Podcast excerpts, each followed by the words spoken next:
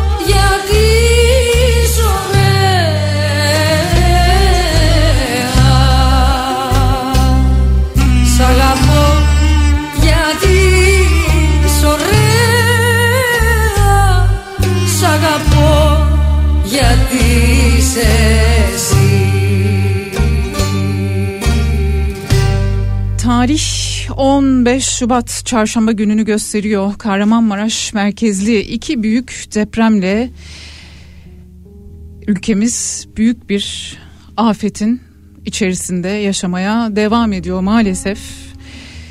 İki büyük deprem ilki 7.7 ikincisi 7.6 büyüklüğünde her ikisi de Kahramanmaraş merkezli olarak gerçekleşmişti ve 10 ili etkisi altına almıştı. Kilis, Diyarbakır, Adana, Osmaniye, Gaziantep, Şanlıurfa, Adıyaman, Malatya, Hatay, Kahramanmaraş elbette.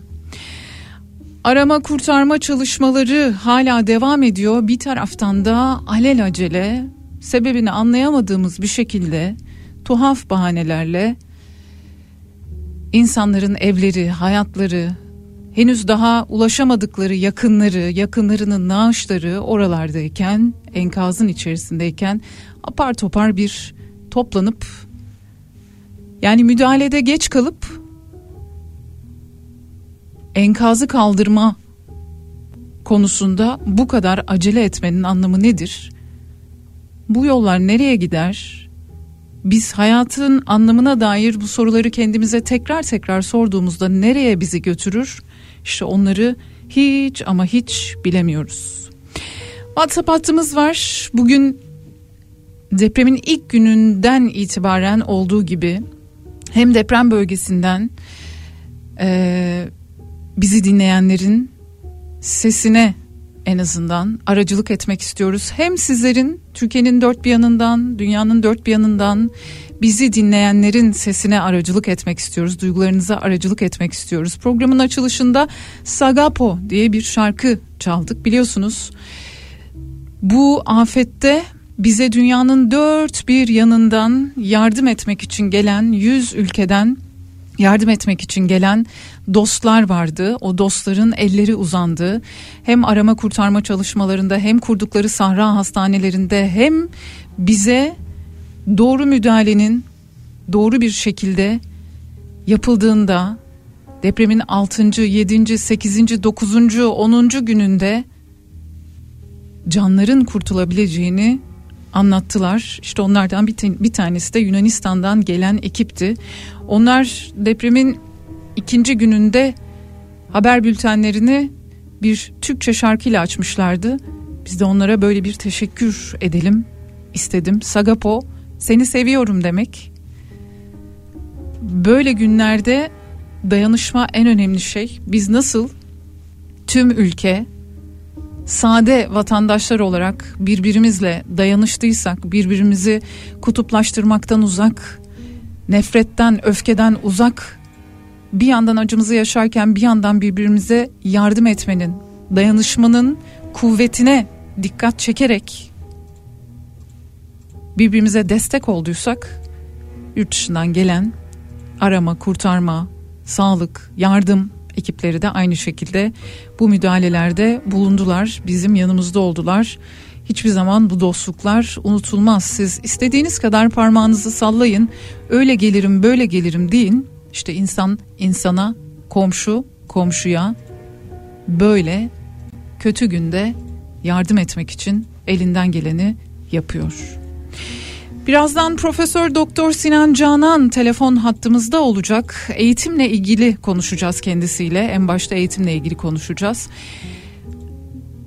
Ben bir gün ara vermek durumunda kalmıştım. Kendi yaşadığım sağlık e, problemimden ötürü. E, bu nedenle özür diliyorum öncelikle sizlerden. WhatsApp hattımızı hatırlatayım. Hem Sinan Bey'e sorularınızı sorabilirsiniz. Hem duygularınızı paylaşabilirsiniz. Hem deprem bölgesinden bizi dinleyenler lütfen ne anlatmak istiyorsanız, ne söylemek istiyorsanız, neyi bilelim, neyi paylaşalım diyorsanız yazın 0532 172 52 32 WhatsApp hattımız. Ayrıca sosyal medyadan da yazabilirsiniz. Beydia Ceylan Güzelce olarak Twitter'dan ya da Instagram'dan da bana mesajlarınızı yazabilirsiniz. Eğitimden fedakarlık edilmez bu hayatta her şeyden fedakarlık edilir yemeden, içmeden, oturmadan, kalkmadan, yaşamadan birçok şeyden ama birçok şeyden bu hayatta fedakarlık edilebilir ama hayatta bir tek şeyden fedakarlık edilmez, edilemez. O da eğitim. Diliyorum en kısa zamanda bu yanlıştan dönülür. Üniversitelerin kapatılması, uzaktan eğitime daha doğrusu geçmesi kararından bir an önce dönülür ki tüm uzmanlar bu işin ehli olanlar hadi ehlilerini bir tarafa geçelim.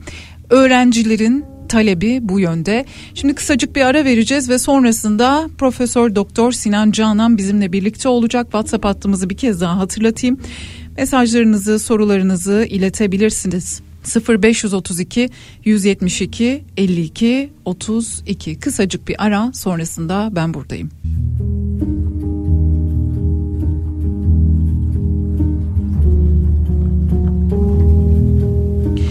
Sevgili Kafa Radyo dinleyicileri 15 Şubat çarşamba gününün sabahındayız. Yaşadığımız o büyük felaketin 10. gününde maalesef haberler ve güncel bilgiler 35.418 kişiyi deprem lerde Kahramanmaraş merkezi depremlerde kaybettik. 3170 artçı deprem meydana geldi şu ana kadar.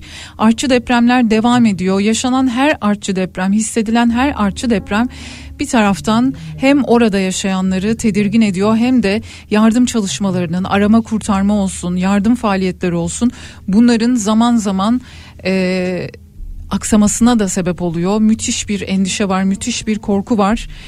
Ee, ve bunun yanında müthiş de bir dayanışma var. Şimdi Profesör Doktor Sinan Canan bizimle birlikte telefon hattımızın ucunda. Sinan Bey günaydın beni duyabiliyor musunuz? Merhabalar günaydın duyuyorum iyi yayınlar diliyorum sağ olun. Çok teşekkür ediyoruz. Öncelikle adettendir diye bir nasılsınız diye soralım. Ee, çok şükür e, elimiz kolumuz tutuyor bir şeyler yapabiliyoruz sadece o sayede kendimizi hissediyoruz diyelim. Ee, inşallah her şey daha da iyi olsun diye uğraşıyoruz. Şimdi ilk günden bu yana siz de e, herkes gibi e, bu konuyla ilgili paylaşımlarda bulundunuz. Neler olması, nerelerde aksamalar oluyor, nerelerde bunları artık zaten biz depremin ilk gününden itibaren, ilk dakikalarından itibaren anlatıyoruz, anlatıyoruz, anlatıyoruz. Üzerine e, kararlar alınıyor. Hızlı kararlardır, yanlıştır, dönülür buralardan diye umut ettiğimiz kararlar da alınıyor. Bunlardan bir tanesi üniversitelerdeki eğitim faaliyetlerinin uzaktan eğitime geçilmesi kararı. Öncelikle bu kararı nasıl buluyorsunuz? Doğru mu? Yanlış mı? Ne olması ee, lazım? Şimdi doğru ve yanlış yani bir sıfırdan öte e, şöyle söyleyeyim. Üniversitelerin uzunca bir süre tatil edilmesi zorunlu. Çünkü çok fazla miktarda öğrencinin doğrudan dolaylı etkilendiği bir şey. E, aynı zamanda üniversitelerin işte imkanlarının seferber edilmesi gibi üniversitenin bütün işini aksatacak çok fazla gereksinim var. Hı hı. Öte yandan e, üniversiteler özellikle yani insanların mesleklerini elde ettiği yerler e, uzaktan eğitimde çoğu fakültenin yet, öğrenci yetkinliği kazandırmakta zorlanacağı konuları içeriyor. Yani birçok bölümde böyle bir eğitim olmuyor.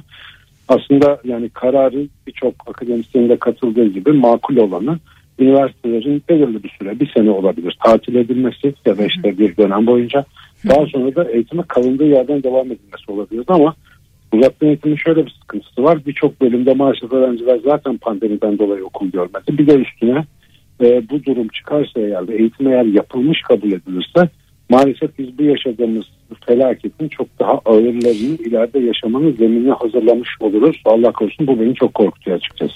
Yani e, tabii e, şu da var şimdi böyle bir afet yaşanıyor. E, evet. Maalesef biz bunun tam içerisindeyiz kalbindeyiz. Gençlerin çocukların sokaklarda olmadığı bir ülkede gençlerin çocukların rutinlerine günlük hayatlarına dönmediği bir ülkede ee, üstelik bir yıl boyunca diyorsunuz mesela örnek veriyorsunuz. Ee, böyle bir ortamda nasıl e, o gençlerin ailelerinin veya işte bizlerin yani ben çocukları sokakta gördüğümde gençleri okullarına giderken gördüğümde açıkçası kendi adıma ha bir şeyler tamam bir şeyler devam ediyor hissine kapılıyorum. Çok e, sade bir yerden söylüyorum bunu. Çok, evet, evet, e, sade bir vatandaş olarak söylüyorum bunu. Herhangi bir kanaat önderi olarak ya da bir yorumcu olarak söylemiyorum ama çocukların hayatına, gençlerin hayatına devam ettiğini görmek beni kendi adıma tamam bir şeyler en azından e, devam ediyor. Hayatın bir yeri devam ediyor hissine e, getiriyor. Yani siz şunu mu diyorsunuz? E, bir yıl ama uzaktan eğitim de olsa eğitim olarak sayılmadan bu çocuklar yeniden üniversite sıralarıyla akademik e, ortamla yeniden bir araya gelmeliler. Yani eksik bir eğitim olarak mı görülmeli bu dönem? Ee, şöyle söylemeye çalışıyorum aslında süresini tabii şu anda bilemiyorum. O uzmanların karar vermesi gereken bir şey ama hı hı. bu akut felaket döneminde hani milyonlarca insanı doğrudan etkileyen bir felakette hı hı. hemen hızlı normalleşme beklemek çok zor. Yani okullar açılsın, öğrenciler devam etsin demek şu anda imkanlar dahilinde değil. Hı hı. O imkanlar sağlanana kadar yani acil müdahaleler tamamlanana kadar 3 ay 6 ay yahut maksimumda belki bir sene bilmiyoruz hala felaketin boyutlarını. Ee, uzmanların karar vereceği akılcı bir e, süre boyunca eğitimin tamamen durdurulmasından bahsediyorum. Ama bu süre bana sorarsanız yani uzman değilim ama genel baktığımda 3 ay gibi gözüküyor sanki. 3 aylık bir süre tatil edilip bu kalan süre eğitimin geneline eklenebilir. Çünkü bu öğrencilerimizin belki okulunu uzatacak, belki planlarını değiştirecek ama hani ülkenin yaşadığı bir felakette bu kadar bir şey tezahür edilebilir. Ama ve lakin eğitim devam ediyor adı altında hiçbir işlevselliği olmadığını gördüğümüz ve iyi Hı-hı. beceremediğimizi gördüğümüz online eğitim diye bir şeye uzmanlıkları, işte meslekleri bağlarsanız o durumda mesela bakınız biz bu binaların birçoğunda bilgi yetmezliği nedeniyle ciddi sorunlar yaşadık. Yani evet. bilginin kullanılamaması, akademik bilginin hayata geçmemesinin maalesef sonuçlarını yaşıyoruz. E bu bunu daha da arttırmış olacağız. Bir faydamız olmayacak. Yani o çocuklara diploma vererek bir şey sağlamıyoruz. Öte yandan okul zaten e, hani online olmamalı, uzaktan olmamalı, tam olarak açılmalı ki rehabilitasyon fonksiyonu da yerine getirsin. Yani insanlar birbirini görsün orada toplansın. Bunun için şu acil müdahale devrini geçirmemiz lazım. Yani şu anda da yarın sabah üniversiteleri işte eskiden olduğu gibi açalım demek de çok makul değil. Bir ara çözüm olabilir ama biraz uzaktan eğitim bana aceleci bir çözümmüş gibi geldi. İnşallah bu karardan geri adım atılır diyorum. Yani evet biz de yayınlarımızda bu doğrultuda çağrı yapıyoruz. Tabii ki içinde bulunduğumuz e, sizden önce Güçlü Mete'nin programı vardı. Orada Profesör Doktor e, Esin Şenol e, bağlandı. Bölgedeki e, enfeksiyon hastalıkları riskleri açısından e, incelemelerde bulunurken şunu şöyle bir çıkarım yapıyor. Diyor ki yani bu çok e, açıdan, pek çok açıdan yani çok iç içe geçmiş ve çok açıdan ele alınması gereken e, bir durum. Elbette bu çok açıdan ele alınması gereken bir durumu e, demiyoruz ki e, bir an önce yarın normalleşelim. Zaten normalleşemiyoruz biliyorsunuz. Şimdi o konulara da gireceğiz sizinle. Aslında 12 Şubat'a kadar bir yaz süreci vardı. Ama e, siz de sokağa çıkıyorsunuz, siz de insanlarla temas ediyorsunuz, siz de kendinizden biliyorsunuz. E, hani resmi yaz bitmiş olsa da bu yaz süreci de devam ediyor. Burada herkes üzerine düşeni elinden geldiği kadarıyla yapmaya çalışıyor. E, en azından bir duyguyu paylaşmak bile e, bir insanın yapabileceği en kutsal, en e, güzel paylaşımlardan biri. Ama evet. eğitim bana göre eğitimden fedakarlık edilmez. Hayatta yediğimiz içtiğimiz her şeyden fedakarlık edebiliriz ama eğitimden fedakarlık etmek e, akla gelmemeli. Bizim, bizim hiç böyle bir lüksümüz yok. Yani evet. biz e, mesela şu anda gelişmiş bir ülkede böyle bir felaket olsa o ülke atıyorum 6 ay bir sene bir eğitimini tatile soksa zaten yetişmiş elemanları ve e, uzmanlık kültürü oturmuş ülkeler olduğu için bu ülkeler gelişmiş ülkeler. Doğru. Dolayısıyla onlar bu kadar büyük hasar yaşamayabilirler ama bizim Zaten normal süre giden eğitimimizde tonla sıkıntı var.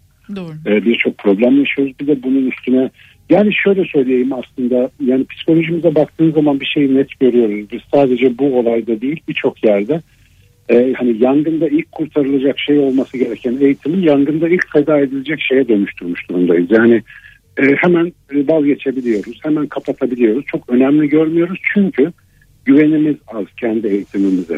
Hı hı. Güvenmiyoruz yani biraz onunla alakalı. Eğitimimize güvenseydik onu çok sıkı sarıp sarmalardık. Çok ihtimam ederdik. Hı hı. Ama bunu yapamıyoruz maalesef. Bu ya bu da... felaket dönemlerinin dışında da çok konuştuğumuz bir şey. Yani burayı bir elden Doğru. geçirmemiz gerekiyor ama Doğru. bakalım. Doğru tabii e, liyakat konusu e, eğitimle ve deneyimle e, doğrudan e, ilişkili bir konudur. Eğer biz Evet. liyakat konusunda bir takım sınavları verebilmiş olsaydık eğitimin ve deneyimin de ne kadar önemli olduğunu bir kez daha idrak eder. Maalesef. Bir dakika bir dakika her şeyden fedakarlık edelim ama eğitimden etmeyelim. Bakın bu ülkede önemli konumlarda iyi eğitimli, iyi deneyimli, alanında uzman insanlar olduğunda bakın krizler nasıl yönetiliyor derdik. Demek ki Evet. buralarda da bir farkındalığımız maalesef, e, Maalesef. oluşamamış, gelişememiş. Bundan sonrası için elimizden geleni yapacağız tabii ki. Biz bu e, çağrıları yapmaya da devam edeceğiz. Şimdi Evet. e, şöyle bir şey var. E, konuştuğum her insan işte, işte deprem bölgesinde benim de yakınlarım var. E, hepimizin var. Her haneye bir hikaye en azından bir hikaye düştü maalesef. Bir acı hikaye düştü her haneye Türkiye'de. Üstelik o insanların akrabamız, dostumuz, eşimiz olması gerekmiyor. Herkes akrabamız, herkes eşimiz, dostumuz oldu. Toplumsal olarak böyle kenetlendiğimiz ve duygudaşlıkta birleştiğimiz bir yerdeyiz. Fakat şöyle cümleler çok e, sarf ediliyor. Bir daha hiçbir şey iyi olmayacakmış gibi hissediyorum. Bir daha hiçbir şey güzel olmayacakmış gibi hissediyorum. Birazcık hisleri konuşabilir miyiz sizinle? Elbette e, yani elimden geldiğince önce şunu söyleyeyim. Ben bu hadiseyi uzaktan duyan ve uzaktan izlemeye çalışan birisi olarak bu felaketi yaşayan insanların duygu durumuna dair herhangi bir şey söyleyebilmem çok zor. Hepimiz hayatımızda kötü acı şeyler yaşamışız ama bu kadar e, kolektif, bu kadar çok insanı etkileyen bir şeyin doğrudan içinde olmak o bir kere bambaşka bir psikoloji. Orası, orası hani tariften aciz bir yer ama bizler gibi Türkiye'nin çoğunluğu gibi bu meseleye uzaktan endişeyle bakan, takip etmeye çalışan insanlar için şu anda ağır bir umutsuzluk benzeri durumun oluşması son derece normal. Bir kere ciddi anlamda bir çaresizlik deneyimledik. Yani bir hafta öncesine kadar bu felaketin bir hafta öncesine kadar işte Covid'le geçirmiş olsak vesaire işte teknolojimiz, işte elimizdeki cep telefonları, işte alışveriş kolaylıklarımız, seyahat kolaylıklarımız bize bir illüzyon yaratıyordu aslında. Yani her şeye muktedirmişiz gibi zannediyorduk. Kötü bir şey olursa e, işte zor da olsa baş ederiz diyorduk ama öyle bir şeyle karşılaştık ki hani çok yıkıcı bir deneyim bu. Ve birçok insan ne kadar çaresiz olduğumuzu bir anda fark edebildi. E, ben biraz e, açıkçası üzülüyorum daha yaz süreci bitmeden. Basının büyük bir kısmı mesela İstanbul depremini konuşmaya başladı. Evet. Halbuki oradaki insanların acıları çok tazeyken Hı hı. biz böyle biraz tırnak içinde İstanbul'da yaşayan insanlar ya da İstanbul'a bağlantılı olan insanlar kendi dertlerine düşmüş gibi oldular. Hı hı. Şimdi bu psikolojiyi de aslında anlayabilirsiniz. Çünkü bu çaresizliğin daha büyük bir sonuç, olası sonucu var. O da işte İstanbul depremi gibi bir şeyde Allah korusun milyonlarca insanın hayatını kaybetmesi. Ee, şimdi bütün bunlar çaresizlikle alakalı bir sorun yaşadığımızı gösteriyor. Bunun da en hızlı çözümü yani ben baştan beri dilim döndüğünce anlatmaya çalışıyorum. Çok sıkı bir şekilde şikayeti bırakıp yardımlaşmak. Yani hemen en yakınımızda ihtiyacı olan kim varsa onun ihtiyacına koşmak. Bu deprem mağdur olması da şart değil. Yani insanın kendini umutlu hissetmesinin en iyi yolu birlikte dayanışma içinde olmasıdır. Bu milyonlarca yıldır böyleydi. Bugün de böyle. E, fakat biz endişe ve şikayetin pençesinde çok kıvranıyoruz ve maalesef hani basın da buna çok yardımcı olmuyor. Çünkü devamlı e, kötü haberleri, kötü olasılıkları biliyorsunuz onların haber olma oranı yüksektir. Daha fazla karşımıza getirerek iyice zihinsel olarak baş edemeyeceğimiz bir vasata sokuyor bizi. Dolayısıyla şu anda çok ağır bir çaresizlik, belirsizlik ve endişe durumu var. İnsan zihninin en çok baş edemediği şey belirsizliktir. Hı hı. Öte yandan şunu da anlamamız lazım. Bizim e, yani deprem öncesi zamanlarda bu felaket öncesi zamanlarda hissettiğimiz o sahte belirlilik duygusunun çok gerçekçi bir şey olmadığını da anladık. Tabiatın her an bir şeyler yaptığını ve bizim sadece ondan kobuk olduğumuzu fark ettik. Evet. Eğer bu farkındalığı bilgeliğe çevirebilirsek yani önlemlerimizi daha güzel alırsak bir farkındalıkla yaşamayı öğrenirsek tüketmeyi, kirletmeyi, boşa vakit harcamayı biraz azaltabilirsek mesela bu yine bizim endişe belirsizliğimizin azalmasına katkı yapacak. Bugünlerde mesela ben bireysel olarak insanlara günlük rutinlerin, yaşam rutinlerinin tekrar önemini hatırlatmaya çalışıyorum. Çünkü çoğumuz sosyal medya veya televizyon karşısında saatlerce e, bekliyoruz. yani herhangi bir şey yapmadan zihnimizi oraya teslim ediyoruz. Bu bize çok iyi gelmiyor. Elimizi temizlemekten tutun da bir yerlere yardım etmeye kadar, programlı bir şeyler yapmaya, bir katkı sunmaya kadar Yapabildiğimiz her şey, her rutin bize iyi gelecek ve buna ihtiyacımız var. Buna diğerlerinin de ihtiyacı var. Bu psikolojiden bir an önce çıkamazsak tepkisel olmak dışında yapıcı bir şey inşa etmekte yine çok gecikeceğiz. Şu anda inşa zamanı, şu anda tamir zamanı. O yüzden endişeyi mümkün olduğunca azaltacak şeyler yapmaya çalışıyorum ben kendim. Hani gördüğüm herkese de bunu tavsiye ediyorum. Bu çok zor bir psikoloji bu arada. Bütün illüzyonumuz başımıza yıkıldı öyle söyleyeyim. Yani hayat illüzyonumuz başımıza yıkıldı. Daha dün sıkıldığımız ya da bize normal gelen her şey şu anda cennet gibi geliyor fark edersiniz. Evet ee, şöyle konuşmalar oluyor. Aa bir ay önce ne kadar güzelmiş her şey. Üstelik bir ay önce ya da 15 gün önce en çok konuştuğumuz, en çok her gün her gün ama şikayet ettiğimiz şey e, hayat pahalılığıydı, ekonomik sıkıntılardı, işte her şeyin ne kadar pahalı olduğu, markete gidip elimizin boş döndüğümüz, işte bunları konuşuyorduk en yoğun şekilde. E, sosyal medyada bir şey gündem oluyordu, onu konuşuyorduk. İşte televizyonda bir haber oluyordu, onu konuşuyorduk. Şimdi e, bugün 10. gündeyiz ve e, elbette daha nice on günlerce e, bu konu üzerine ama yapıcı bir şekilde e, konuşuyor, farkındalığımızı geliştiriyor olmamız gerekiyor değil mi? Evet ben genellikle de bu zaman insanına çok zor bana da çok zor geliyor ama e, insanın kendi küçük kişisel ve ailevi dairesinden başlayan sorumlulukları öncelemesi gerektiğini düşünüyorum. Herkes büyük olaylar hakkında farklı ağızlardan sürekli konuştuğunda insanlar duyamaz ve iş göremez hale gelebiliyor. O yüzden ben sorumlu bir insanın şu anda kendi yakın çevresindeki acil işlerini, yardıma ihtiyaç duyan kişilerin gözetilmesi gibi elinin eriştiği yerlerde yapabileceği şeyleri önceye alması gerektiğini düşünüyorum. Şu anda depremde oradan yaşayanlar ve yaşamayanlar hepimiz çok büyük ve birbirini etkileyen bir şebekeyiz. Bunu unutmamak lazım. Herkes birbirine hiç olmadığı kadar aslında dijital olarak bağlı ve birimizdeki bir umutsuzluk, çöküntü, bir sorun diğer insanlara da benzer şekilde yansıyor. Tam tersi de geçerli bir insandaki umut, güzellik etrafına da yansıyor. Mesela sevgili Haluk Levent'in e, sadece yaptığı işlerle değil, duruşu, yönetişi, e, iletişimiyle hakikaten ben iyi örnek olabildiğini düşünüyorum. Bu kadar olumsuzluğa rağmen. E, mesela bunu örnek alarak sorumluluğumuzun bilincinde davranmanın hepimizin temel görevi olduğunu düşünüyorum şu anda. Zira çok ama çok ama çok zor bir şeyden geçiyoruz ve ben eminim henüz büyüklüğüne vakıf olamadık bu yaşadığımız şeyin ve gittikçe de daha fazla e, anlayacağız. Anladıkça da yıkılmamak için biraz daha konuya ciddi bakmanın önemli olduğunu düşünüyorum. Ee, bir kelimeyi kullandığınız çok e, bana iyi geldi ayrıca dikkatimi de çekti. Yani örnek oluyor dediniz. Bu örnekler çok önemli. Yani Haluk Levent'in, Ahbab'ın işte e, çalışmaları bazında elbette her kurumun içerisinde bakın e, işini layıkıyla, hakkıyla en doğru, en dürüst şekilde yapmaya çalışan insanlar var. Onları da asla dışarıda bırakmadan söylüyoruz ama topluma da örnek olması gereken davranışlar kriz anlarında ortaya çıkan e, bu zaten psikolojide de var yani e, kriz anlarında ortaya çıkan öncüler oluyor zaman zaman bu öncülerin e, heveslerini çalışma şevklerini e, kırmamak da gerekiyor. Yani yıpratmamak da gerekiyor. Çünkü belki bu afette Haluk Levent'ti bir sonraki afette bir başkası olacak.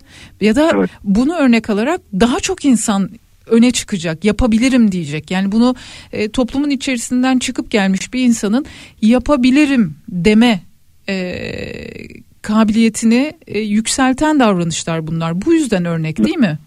E, o yüzden örnek bize ben uzun süredir zaten anlatmaya çalışıyordum belki birkaç yıldır.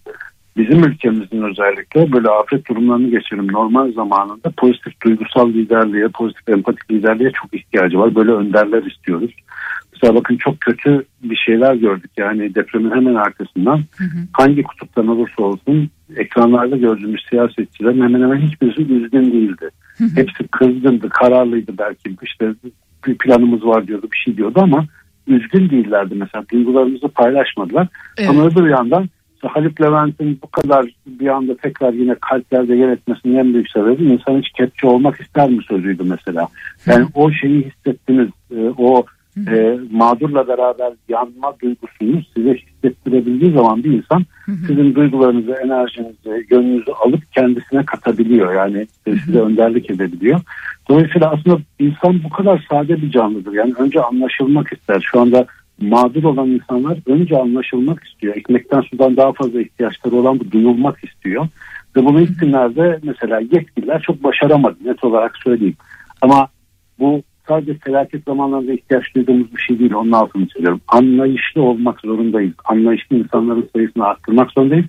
Anlayış geri kalan her şeyi getiriyor zaten. Eğer anlarsanız karşınızdaki insanları onların ihtiyaçlarına göre de davranıp çözüm üretebiliyorsunuz. Ama sadece kafanızda bir ajanda varsa, sadece belli gündemleriniz varsa maalesef onun dışına çıkamıyorsunuz. İsterse afet olsun, isterse felaket olsun.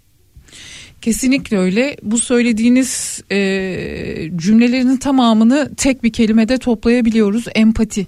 Yani evet. e, insanoğlu sosyal bir varlık. E, empati yapmadan yaşayamayan bir varlık ama bu empatiyi e, göremediğimizde de gerçekten güven duygumuz derinden sarsılmış oluyor. Zaten şimdi insan e, herkes yani e, yaşadığı eve, e, yaşadığı hayata, e, yöneticilerine, e, ne bileyim kendine her anlamda güvenini e, yitirmemişse bile güveni derinden sarsılmış durumda.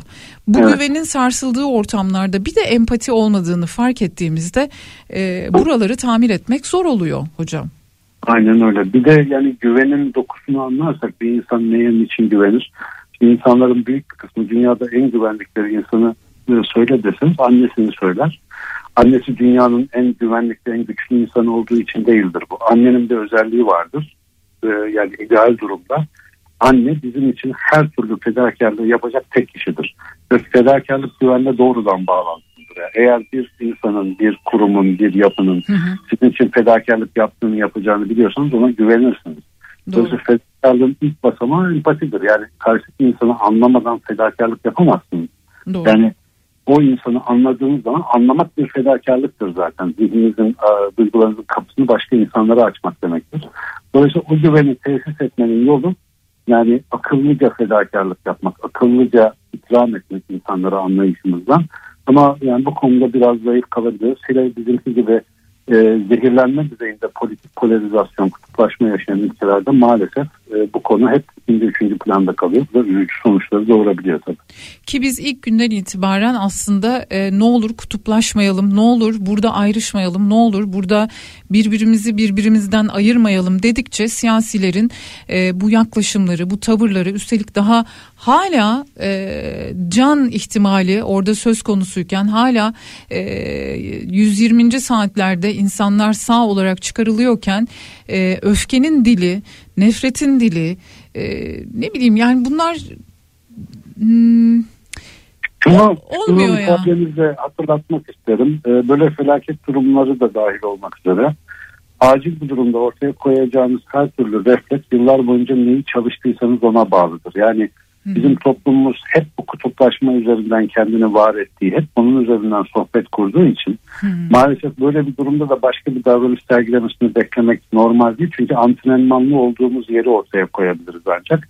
Hı. Bizim esas e, insan olarak, yüksek insan olarak temel görevimiz inşallah bu yaralar sarılmaya başlandıktan sonra evet. bu acı deneyimi alıp onu hayatımızda nasıl tersiyle uygulayabiliriz, onu nasıl çilebiliriz düşünmek olacak. Hı. Yani artık insanı hakikaten insan olduğu için sevebilecek bir zihin yapısını şu politik, dini, kültürel bilmem ne aidiyetlerimizi ikinci, üçüncü plana itebilmeyi bir becerebilirsek yani bu antrenmanı hayatımıza yerleştirirsek bir sonraki felakette ne gelirse gelsin hani korkumuz bu kadar büyük olmayacak. Bir konunun özellikle altını çizeyim. Biz bu felakette en büyük yarayı depremden değil insandan aldık. Hı hı. Bakın deprem bize o kadar zarar vermedi. Biz hep insandan darbe yedik çürük bina yapan, ona ruhsat veren, derdimizi anlamayan, e, işte acımızı görmeyen insanlardan dolayı acı çekiyoruz. Yoksa o deprem dağda, taşta, efendim ormanda da oldu. Oradaki canlılara bakın. Onlar da insan gibi bir can. Onlar bizim kadar müteessir üzgün değiller. Onlar bizim kadar acı çekmiyorlar. Deprem tabiata acı vermiyor. Deprem tabiatının bir, par tabiatın bir parçası. Biz insandan acı çekiyoruz. Bunu fark edelim ve insan olarak yaşadığımız o rutin tırnak içinde normal günlerde neyin birikimini yaptığımızı, neyi biriktirdiğimizde çok çok dikkat edelim. Hani ders almak bence bununla ilgili bir şey olmalı. Çok doğru. İnsandan yana e, aslında büyük bir sınavı da insandan yana, insanlığımızdan yana veriyoruz. Umarım bizler yayıncılar olarak bu e, bu sınavlardan bir şekilde geçebiliyoruzdur, geçiyoruzdur. Sizler akademisyenler olarak e, bizi doğru tarafa tabii ki akademisyenlerin içerisinde de çok tuhaf insanlar var. E, henüz e, gelişimini e, benim açımdan bu benim kişisel görüşüm ne olur yanlış anlamayın. İnsani gelişimini henüz tamamlayamamış, vicdani gelişimini tamamlayamamış e, akademisyenler de var. Aynı şekilde bu şekilde yayıncılar da var ama söyledikleriniz çok doğru ve çok kıymetli. Çok teşekkür ediyorum. Son olarak söylemek, eklemek istediğiniz bir şey varsa e, ilerleyen günlerde yine sohbet edeceğiz. Birazcık daha e, üzerinden e, zaman geçtikçe sizin dediğiniz gibi aslında yaşadığımız şeyin ne olduğunu e, daha tam anlamıyla kavrayabilmiş de değiliz. Evet hiç değiliz. Daha söylemek istediğim son şey şu olabilir. Ee, her şey geçecek. Biliyorsunuz bizim kültürümüzde bu da geçer yahu diye bir söz var. Doğru. İyi de güzel de sürekli geçiyor. Her şey geçiyor ve maalesef biz unutuyoruz. Ben bunu 12 sene evvel algıda geçicilik demişim. Bir arkadaş hatırlattı. Hı hı. Bizlerin görevi yani basında olalım, akademide olalım, bilgiyle, bilgi aktarmakla uğraşan insanların görevi hatırlanmadığı günlerde işe yarar hadiseleri taze tutup insanlara bunu hatırlatma fonksiyonumuzu icra edebilmek. Doğru. Ee, bunu yapabildiğimiz sürece biz iyi çoğaltabileceğiz. Yoksa kriz durumunda bu beynimizin bloke olduğu anlarda çok böyle sofistike çözümler bulmayı beklemememiz lazım. İnşallah bu görevimizi layıkıyla yerine getirebiliriz. Ben çok teşekkür ederim. Biz verdiğiniz. çok teşekkür ediyoruz. Yani kendimize birazcık da zaman tanımalıyız değil mi? Onu evet, anladım söylediğinizden. Kesinlikle. kesinlikle. Sinan Canan, Profesör Doktor Sinan Canan bizimle birlikteydi. Hocam çok teşekkürler kıymetli bilgileriniz ben ve paylaşımlarınız için. Ben Görüşmek üzere tekrar hepimize geçmiş olsun sevgili. İnşallah. Çok teşekkürler. Sevgili Kafa Radyo dinleyicileri 15 e, Şubat çarşamba günündeyiz. E, depremin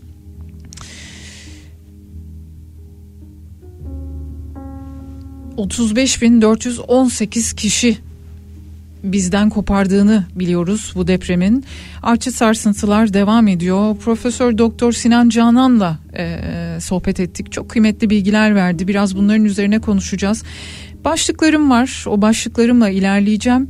Çocuklarla ilgili e, bilim insanlarının şu an hangi konularda özellikle deprem bölgesinde ve diğer yerlerde bizi uyardığı ile ilgili psikolojik olarak kendimizi nasıl e, birazcık daha e, aynı yere benzer yerlere e, geldiğimiz konusunda daha anlamak, daha çözmek adına Türkiye Barolar Birliği'nin depremzedelerin hakları ile ilgili yaptığı bilgilendirmeler var. Onlardan da bahsediyor olacağım. Şimdi bir ara verelim. Ben de bir kendime geleyim. Ondan sonrasında yine beraberiz. Müzik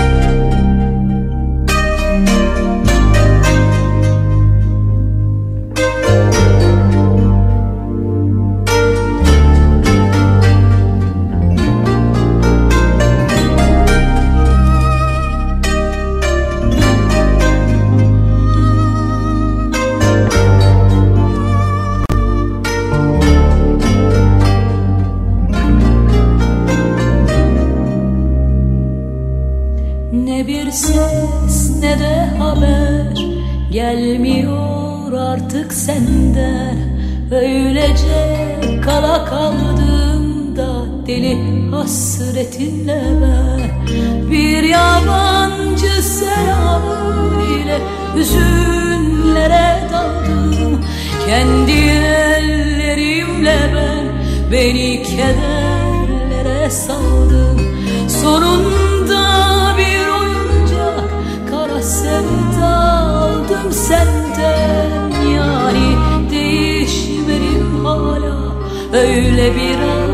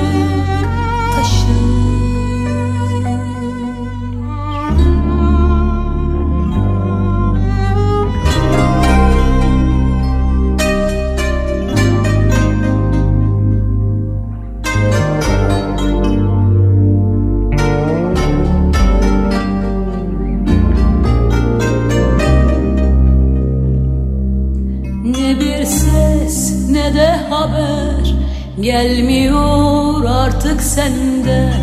Öylece kala kaldım da Deli hasretinle ben.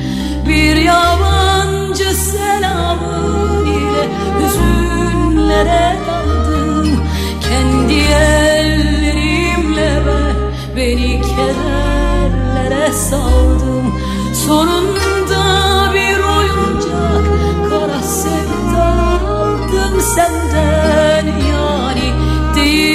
düşmerim ha Böyle biraz çocuk kal.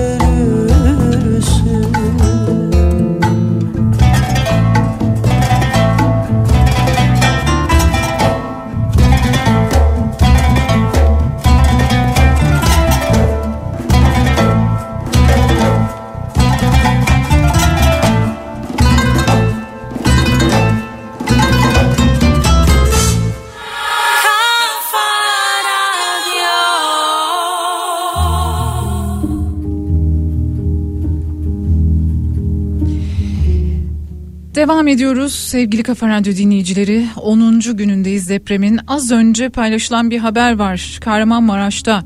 Depremin 222. saatinde 42 yaşındaki Melike İmamoğlu enkaz altından sağ olarak kurtarıldı bilgisi paylaşıldı haberlerde son dakika bilgilerinde.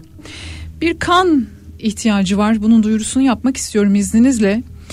İstanbul'da Siyami Ersek Hastanesi'nde Saim Yesir adına A negatif kana ihtiyaç var. Siyami Ersek Hastanesi'nde Saim Yesir adına A negatif kana ihtiyaç var. Kan bağışında bulunmak isteyenler 0539 525 07 05 numarasından e, arayabilirler. Yardımlarını, kan bağışlarını iletebilirler. A negatif kan Siyami Ersek Hastanesi'nde Saim Yesir adına. Devam ediyoruz. 10. gününde depremi konuşmaya elbette depremin 200. saatinde 201. saatinde ve şimdi 222. saatinde 42 yaşında bir kurtuluş daha var. Profesör Doktor Naci Görür. Dün akşam Candaş Tolga Işık'ın programına katılmıştı. Programda diyor ki enkaz kaldırmanın ardından hemen inşaat çalışmalarına başlayacağız. Bu yanlış diyor. Bunun yapılmaması gerekiyor diyor. Kahramanmaraş'ta yaşanan bu iki depremden sonra biliyorsunuz bir yıl içerisinde hemen yeni konutlarına depremzedelerimizi taşıyacağız denmişti. Ancak diyor ki Profesör Doktor Naci Görür inşaata başlanmamalı. Bu bölgenin tümünde mikro bölgeleme çalışması yapılmadan yerleşim alanları için yer seçilmemeli ve inşaata başlanmamalı. Peki ama nedir bu mikro bölgeleme diye soruyorlar. Mikro bölgeleme ile ilgili de şunu söylüyor kendisi. Burası tarım alanıdır. Burası yeşil alandır. Burası zemin açısından şu kadar katlı yapıya müsait alandır. Bu mikro bölgeleme çalışmaları yapılmadan alelacele bir an önce binaları oraya dikmek, çok katlı binaları oraya dikmek bana göre yanlıştır diyor. Elbette insani açıdan bu yaklaşımı anlıyorum ama naçizane tavsiyem bu bölgenin tümünde mikro bölgeleme çalışması yapılmasıdır diyor. Yerleşim alanları için en uygun yerlerin seçilmesidir ve ancak böylelikle bir inşaat çalışması başlayacaksa böylelikle başlanmasıdır. İnşallah diyor bu sefer sesimi yetkililere duyurabilir miyim? Candaş diyor ki bugüne kadar sesinizi hiç duyurabildiğiniz oldu mu diye soruyor. Kısa bir sessizlik oldu. Duyuramadım dedi. Bu yaşanan depremi iki yıl önce net bir şekilde söylemiş olan Profesör Doktor Naci Görür. Hiç sesinizi duyan oldu mu diye soruluyor. Yok hiç sesimi duyan olmadı diyor. İşte durumun vahameti biraz da buradan anlaşılabilir.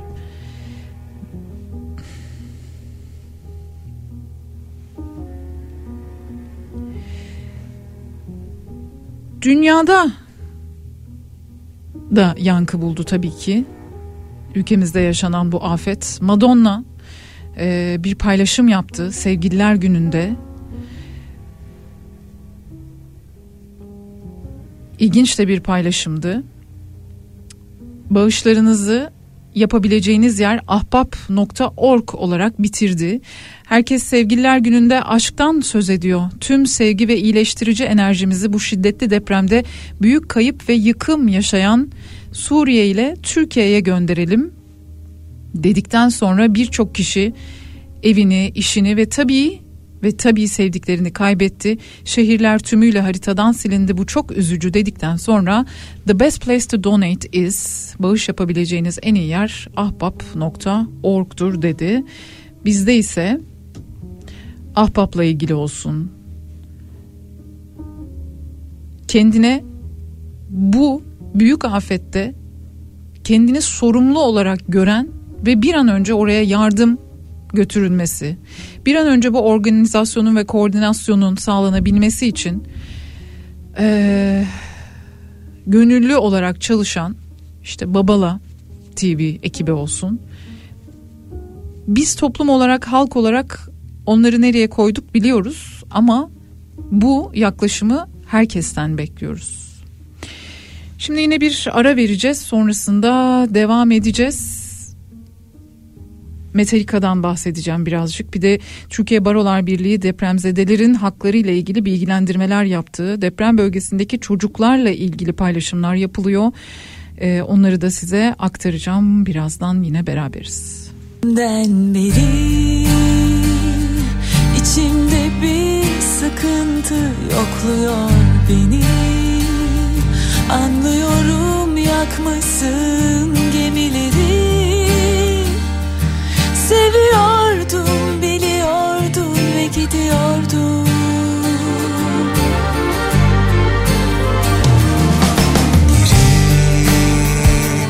Alabilmek mümkün olsa her şeyi İnandırmaz mıydım aşka seni? Hem seni hem o taş kalbimi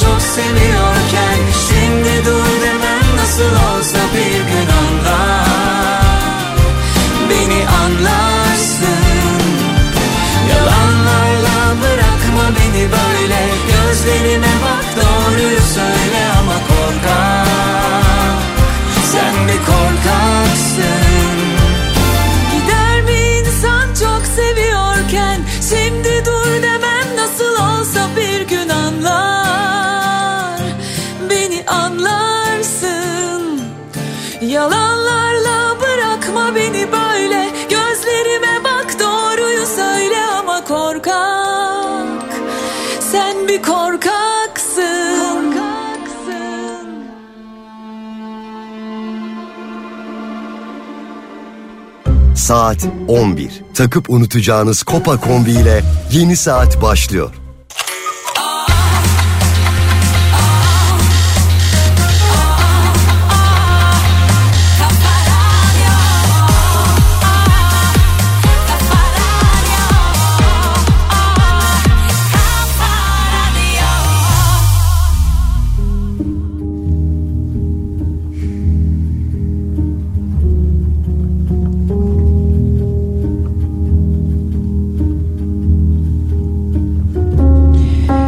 Devam ediyoruz. Türkiye Barolar Birliği'nin BBC Türkçe'ye yaptığı bir açıklama var. Türkiye Barolar Birliği Yönetim Kurulu üyesi Ali Bayram.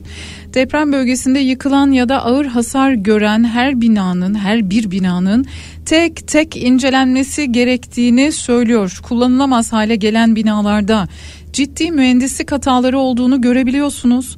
Müteahhidin, mühendisin, gerekli denetimi yapmayan firmanın ve Çevre, Şehircilik ve İklim Değişikliği Bakanlığı ile birlikte gerekli kontrolleri yapmayan her bir birimin hiyerarşik olarak burada sorumluluğu vardır diyor. Türkiye Barolar Birliği Yönetim Kurulu üyesi Ali Bayram. Bu sorumlular hakkında soruşturma yapılması için her bir binanın kayıt altına alınması lazım. Yapım sırasında demirin eksik kullanılması, fay kırığının üstüne inşa edilmesi ya da muhtemelen Hatay'da gördüğümüz gibi zemin etüdü hiç yapılmadan konutların inşa edilmesi gibi çok sayıda farklı sorun olabilir. Her bir binanın kendi özel durumu incelenmeli diyor ve bu şekilde uyarıyor. Ee, bir taraftan da işte İspanyol ekibin arama kurtarma çalışmaları için gelen İspanyol ekibin yaptığı bir açıklama var.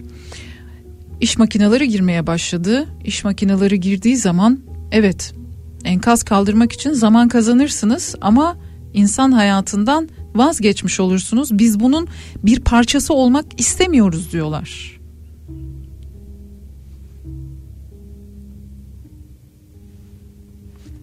Türkiye Barolar Birliği bu arada depremzedelerle ilgili bir e, masa kurdular ve e, buralarda hukukçular e, bu insanların hukuk mücadelesiyle ilgili katkı sunmak için hazır bekliyorlar ve çalışmalarına da başladılar. Her ne kadar işte bu e, kayıtların tutulduğu yerler yıkılmış olsa da.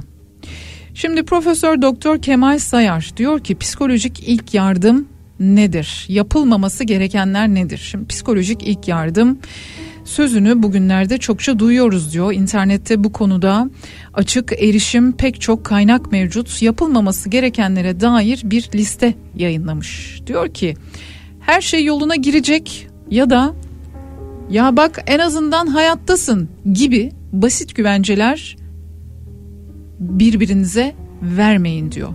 Her şey yoluna girecek.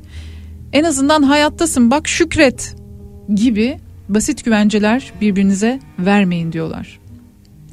İnsanların ne hissetmeleri, ne düşünmeleri gerektiğini veya daha erken davranmış olmaları gerektiğini söylemeyin. Yani e, bir duyguya geldiyse o duyguda çok aceleci olduğunu ya da ya şu an şöyle tabii sen böyle hissetmelisin. Bak böyle düşün. Şöyle düşün. Şükret. Ne yaşanması gerekiyorsa onu hep birlikte bu acının, bu travmanın ortasında yaşayacağız. Bırakın insanlar bu kederi, bu acıyı yaşayabilsinler geniş geniş, rahat rahat.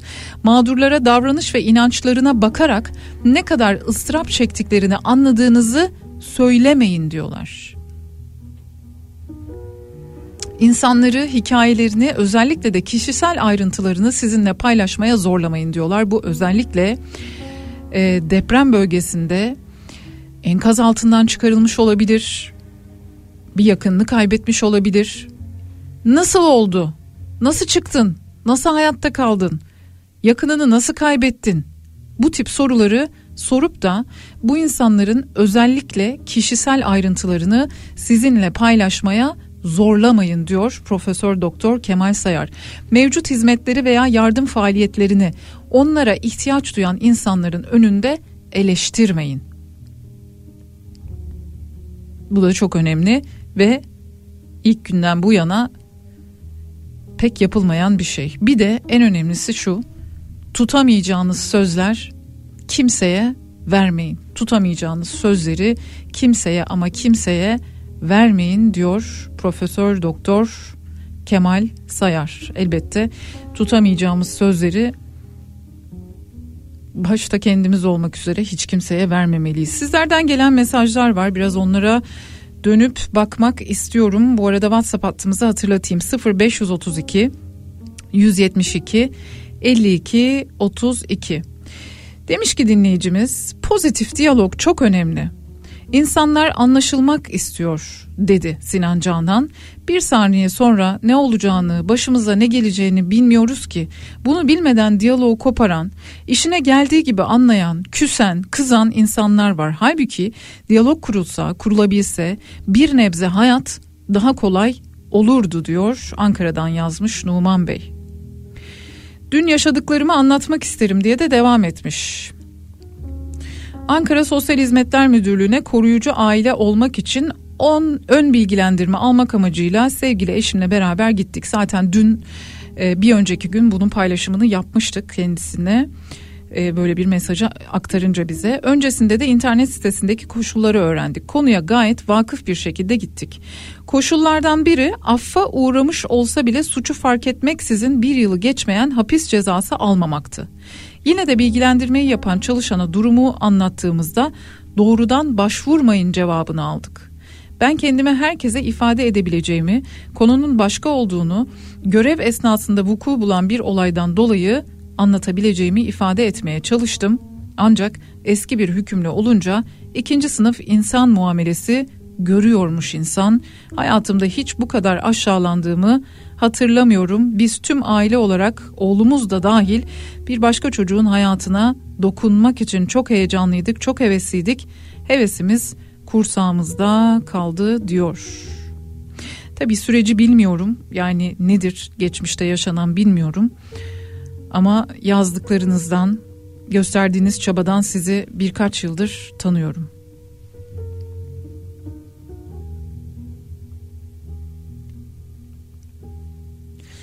Güvenlik sorunumuz, barınma sorunumuz, iaşe sorunumuz yer yer devam ediyor demiş deprem bölgesinden yazan bir dinleyicimiz.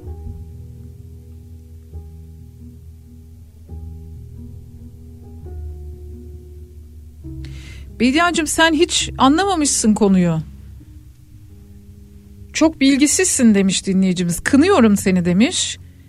Tasarruf edilmeyecek tek şey itibardır. Beş saray daha yaparsak itibarımız uçar demiş kinayeli bir mesaj yollamış. Deprem yaralarını sarmaya çalışıyoruz, çalışacağız. Sel olacak, tek yürek olup yaraları sarmaya çalışacağız. Sel bitecek, terör başlayacak, yaz tutacağız, yaz bitecek, ormanlar yanacak. Yangınımızı söndüreceğiz, kadın cinayetleri var. Üzülüp tepki vereceğiz, çocuk tecavüzleri olacak, sinirleneceğiz, protesto edeceğiz. Bitmeyecek mi? Sonra deprem olacak, sonra yine sel, yine yangın, yine cinayet, yine terör ve biz hep tek yürek olmaya devam edeceğiz. Hep biz tek yürek olacağız. Bizimle olmayan tek taraf belli. Biliyorum onların da bizimle olmaması bitmeyecek demiş dinleyicimiz. 0532 172 52 32 WhatsApp hattımız. Duygularınızı paylaşabilirsiniz, düşüncelerinizi paylaşabilirsiniz. Deprem bölgesinden dinleyicilerimiz yazıyorlar. Elimden geldiği kadar onların mesajlarına da yer vermeye çalışıyorum. Türkiye Psikiyatri Derneği deprem sonrası halka yönelik bir bilgilendirme yapmış. Bu bunu internet üzerinden bulabilirsiniz. Yakınlarınızı yitirdiğinizi gördüğünüzde ya da öğrendiğinizde şunları yaşıyor olabilirsiniz diyor. Ani ve şiddetli tepkiler verebilirsiniz ya da hiç tepki göstermeden dona kalma, ağlayamama, üzüntünüzü ifade edememe de yaşayabilirsiniz. Yakınlarınızın hayatını kaybettiğini kabul edememe, inkar etme, her an dönecekmiş gibi hissetme, öfke, isyan ve başkalarını suçlama bunlar normaldir, bunlar beklenir diyorlar. Depremin üstünden bir haftadan çok zaman geçmiş olduğu halde hala aşağıdaki yakınmalarınız devam edebilir. Aşırı korku, çaresizlik, dehşete düşme hisleri, şok, duygularınızı hissedememe, tepkisizlik, ağlayamama, deprem olayını sürekli tekrar yaşıyor gibi hissetme. Deprem anılarını tekrar tekrar hatırlayabilir. Yaşananlarla ilgili rüyalar görebilirsiniz, gündüz düşleri görebilirsiniz. Olay sanki az önce olmuş ya da yeniden oluyormuş gibi hissedebilirsiniz diyor. Ve geleceğinizin kalmadığı duygusuna kapılabilirsiniz diyor. Türkiye Psikiyatri Derneği deprem sonrası halka yönelik bilgilendirmesinde. Peki ama Kendinizi daha iyi hissetmek için neler yapabilirsiniz? İşte bu soruya da yanıtlar yazmışlar. Onları da okuyacağım size parça parça. Öncelikle kaygı ve buna bağlı sık soluma, çarpıntı, nefes almakta güçlük gibi belirtiler ortaya çıkabilir. Bunlar kişinin kendini tehlike altında hissettiğinde meydana gelen olağan belirtilerdir. Kaygı insanı çıldırtmaz ancak çıldıracakmış, ölecekmiş gibi hissettirir. Yaşadığınız olaylardan dolayı kendinizi tehlike altında hissettiğinizde bedeninizde de çarpıntı, nefes darlığı, bulantı, titreme, göğsünüzde baskı hissi gibi belirtilerin ortaya çıkması normaldir. Kaygınız azaldığınızda bilin ki bu belirtiler kendiliğinden ortadan kaybolacaktır diye belirtmişler. Kendinizi daha iyi hissetmek için nasıl bir farkındalık geliştirebilirsiniz, neler yapabilirsiniz sorularına cevaplar yazmışlar. Bir diğer cevap da şöyle Türkiye Psikiyatri Derneği'nin yapmış olduğu açıklama. Yaşadığınız olayı sizi dinleyebilecek bir yakınınızla konuşmaktan kaçınmayın. Arkadaşlar, aile, komşularla olan olumlu ve destekleyici ilişkilerinizi sürdürün. Sosyal destek kişilerin ruhsal travma sonrası etki, etkilenmeleri üzerinde iyileştirici etkiye sahiptir. Duygularınızı, üzüntünüzü bastırmaya çalışmayın. Bu olayla ilgili duygu ve düşüncelerinizi sizi dinleyebilecek olan çevrenizdekilerle paylaşın diyorlar. Yani paylaşmak çok ama çok önemli. Bahsetmek, eğer konuşmak istediğiniz bir şey varsa bunu konuşmaya çalışmak çok ama çok önemli. Bundan kaçınmayın. Sizinle bunu paylaşacak insanlarla paylaşın diyorlar. Tabii bazı şeyler var ki insan paylaşsa da ee, ya da bazı şeyler var ki insan tek başına yaşayabiliyor onları. Murat Ağırel bir paylaşımda bulundu. Son açıklanan kayıtlara göre diye depremden sonra refakatçisi olmayan 1396 çocuk var. Bunların 721'i hastanede. 167 çocuk tedavisinin ardından bakanlıkta bakım altına alındı. 508 çocuk ise DNA eşleşmesinin ardından ailelerine teslim edildi. Fakat en acısı diyor kimliği bilinmeyen 282 çocuğumuz var diyor. Çeşitli nedenlerle kimliği bilinemiyor. Şöyle ki yaşları itibariyle, yaşadıkları şok itibariyle, içinde bulundukları durum itibariyle belki bir yakınlarının yani müracaat edip de onlara ulaşmaya çalışan bir yakınlarının bulunmaması itibariyle ki en acısı da bu şu an bu durumda olan 282 çocuğumuz var. Bu arada gönüllü refakatçi olabiliyorsunuz. Biliyorsunuz deprem bölgesinden binlerce yaralı e, illere taşındı. Hemen hemen her ilde şu anda e, depremzedeler, yaralılar bulunuyor. Bazılarının refakatçileri yok yanlarında. Dolayısıyla gönüllü refakatçi olabiliyorsunuz. Sağlık Bakanlığı'ndan bilgi alabilirsiniz bu konuda da. E, gönüllü refakatçi olmadan önce de lütfen doğru bir şekilde e, bilgilenin. Çünkü e, yanında refakat edeceğiniz insanın bir depremzede olduğunu en çok da sıcaklığa, insan sıcaklığına ihtiyaç duyduğunu unutmamak gerekiyor. Çocuklarla ilgili bir konu daha var. O da Darüşşafaka biliyorsunuz. Darüşşafaka'dan da bahsedeceğiz. Darüşşafaka'nın çalışmalarından da bahsedeceğiz. Yine bir kısa ara verelim. Çocuklarla ilgili konuşurken gerçekten ilk günden size daha önce söylemiştim e, deprem olduğu dakikalarda ayaktaydım ben saat 4'te uyandım müthiş bir baş ağrısıyla ve işte 4.17'de maalesef uyanıktım hala ve bu afet bu depremler yaşandı. İlk aklıma gelen şey hepimizin ilk aklına gelen şey eyvah çocuklar bebekler oldu. Dolayısıyla çocuklarla ilgili bu haberleri verirken insan e, kelimeleri cümleleri toparlamakta gerçekten zorlanıyor. İnanın hiç kolay değil. Bir çocukla ilgili hele ki böyle durumda olan bir çocukla ilgili bir bebekle ilgili tek bir cümle kurabilmek bile çok ama çok zor. Ee, bir nefes alalım sonrasında devam edeceğiz. Darüşşafaka'dan bahsedeceğiz. Darüşşafaka'nın çocuklarla ilgili yaptığı çalışmadan bahsedeceğiz.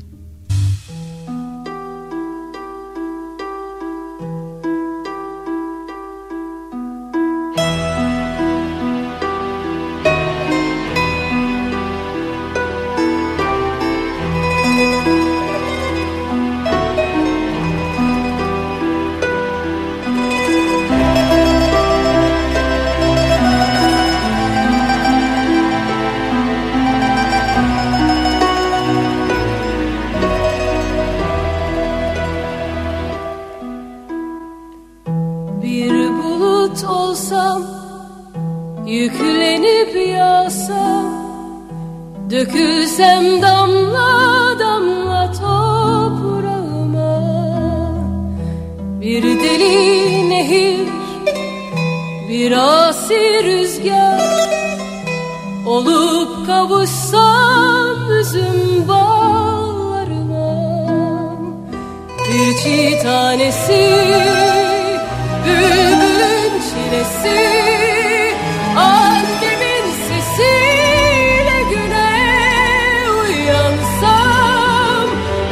Radyoda yanık içli bir keman.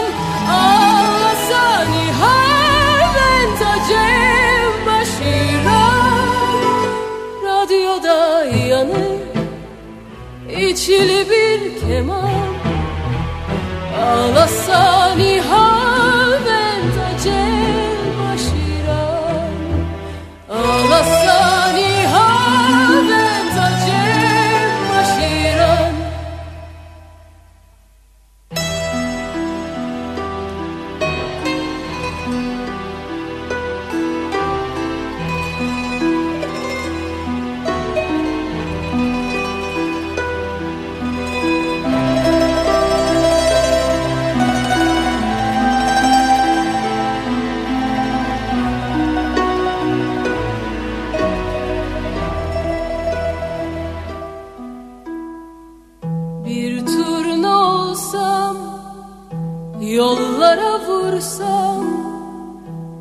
Uçabilsem kendi semalarına Bir seher vakti Sılaya varsam Selam versem ah sıra dağlarına. Komşunun kızı Çoban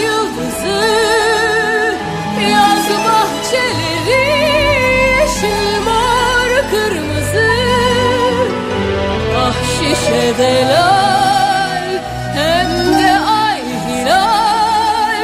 Bir daha da görmedim öyle yazık. Ah şişe hem de ay hilal. Bir daha da görmedim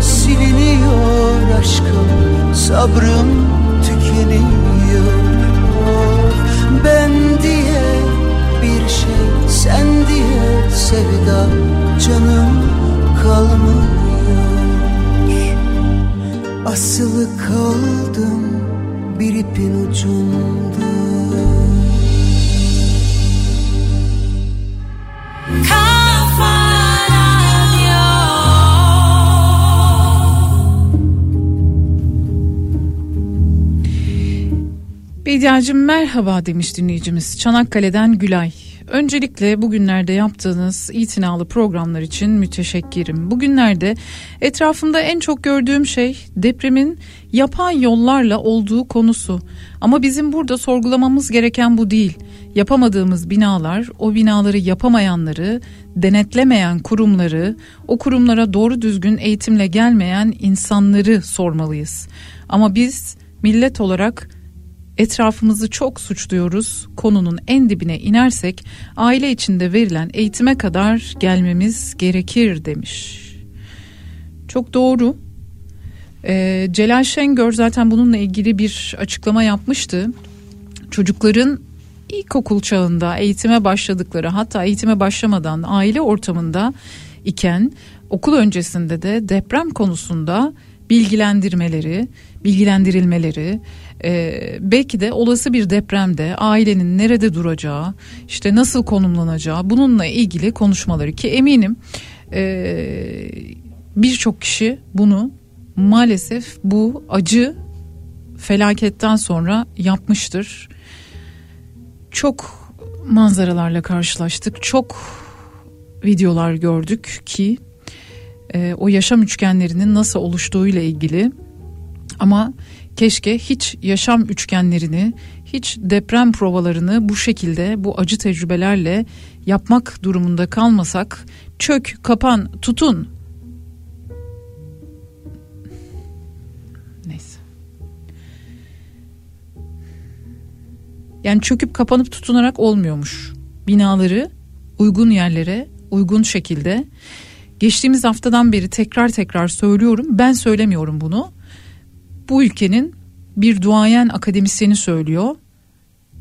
İlber Hoca diyor ki İlber Ortaylı denetim bir ahlak meselesidir. Bir ahlak işidir. Dolayısıyla denetlemeyi yapmayan otomatik olarak ahlaksız kabul edilir. Dolayısıyla herhalde bu denetim konusuna alelacele bir şeyleri yapmaya çalışırken daha orada henüz barınma ihtiyacını, ısınma ihtiyacını karşılayamamış insanlar varken şu kadar bina yapacağız demek yani yangına körükle gitmek gibi geliyor bana. Ya bir şey olsun böyle. Ne bileyim yani bir şurada hata yaptık. Bunun altından kalkamamışız veya bunu yanlış yapmışız. Ya insanlık onuruna ne kadar çok değinsek o kadar eksik kalıyor. İnsanlık onuruna uygun bir şekilde müdahale, insanlık onuruna uygun bir şekilde yardım, insanlık onuruna uygun bir şekilde habercilik, insanlık onuruna uygun bir şekilde defin.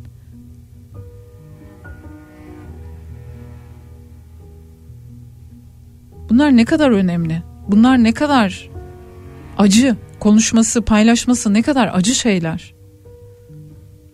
35.418 canımız gitmiş. İş makineleri bir yandan harıl harıl. Geçtiğimiz gün haberlerde karşılaştım. Bir iş makinesi girmiş. Tesadüfen oluşan bir sessizlik anında bir çocuğun sesi duyulmuş. Yani müteahhitleri gözaltına almakla tutuklamakla vicdanlar rahatlamıyor. Rahatlamayacak da zaten. Ya da bağırıp çağırmakla, öfkeli, nefret dolu, hiçbir şekilde acımızı paylaşmayan bakışlarla, tehditlerle olmuyor yani. Bakın gerçekten olmuyor. Sürekli gündem değiştirilmeye çalışarak yok seçim, yok şu, yok bu. Şu an bizim gündemimizde bu yok. Bu zaten tartışılamaz bile. Gelelim Darüşşafaka'ya. Darüşşafaka 1863 yılında kurulmuş bir karma öğretim kurumu, parasız ve yatılı. 1863 yılında faaliyete geçen Darüşşafaka Cemiyeti tarafından kurulmuştur. Kelimenin anlamı of, şefkat yuvası demektir. Darüşşafaka, şefkatin yuvası demek. Babası veya annesi hayatta olmayan, maddi olanakları yetersiz, sınavla seçilmiş öğrencilere 9 yıllık tam burslu yatılı öğrenim verilmektedir Darüşşafaka'da. Şimdi Darüşşafaka'nın yapmış olduğu bir açıklama var. Depremzedelere burs vereceklerine dair. Darüşşafaka depremzede öğrencilerinin kardeşlerine de burs verme konusunda bir adım attı. Darüşşafaka'nın attığı birçok adımı, yaptığı birçok yardımı, sunduğu birçok katkıyı bilmiyoruz bile. Çünkü çıkıp şu kadar şunu yaptık, bu kadar bunu yaptık diyen bir kurum değil, yapan bir kurum. Yaptıktan sonra sonuçlarını, o çocukların nasıl yetiştiğini görerek, tanıyarak ben Darüşşafakalıyım dedikten sonra o insanın halini, tavrını görerek, anlayarak bu ülkeye faydalı insanlar olarak yetişme süreçlerini bilerek anlıyoruz Darüşşafaka'nın neler yaptığını, nasıl çalıştığını. Onlara da bir kez daha teşekkür edelim. Çok önemli. Çocuklarla ilgili yapılması gereken çok fazla şey var. Sadece ailelerini kaybetmiş işte şu anda daha kimliği bile e, bulunamamış çocuklar var.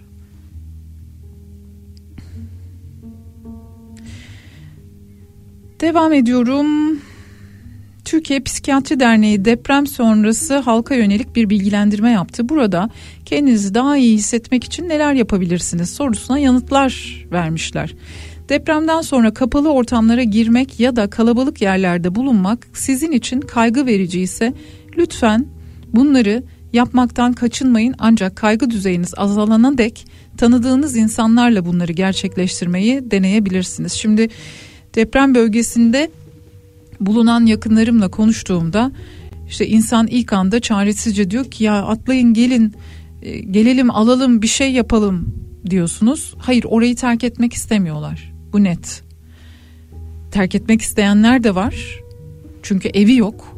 Hiçbir şeyi yok. Ama bazıları da var ki orayı terk etmek istemiyor. İşte buna zorlamayın insanları diyorlar. Özellikle çocukların depreme ait görsellere ve videolara maruz kalmasını azaltın.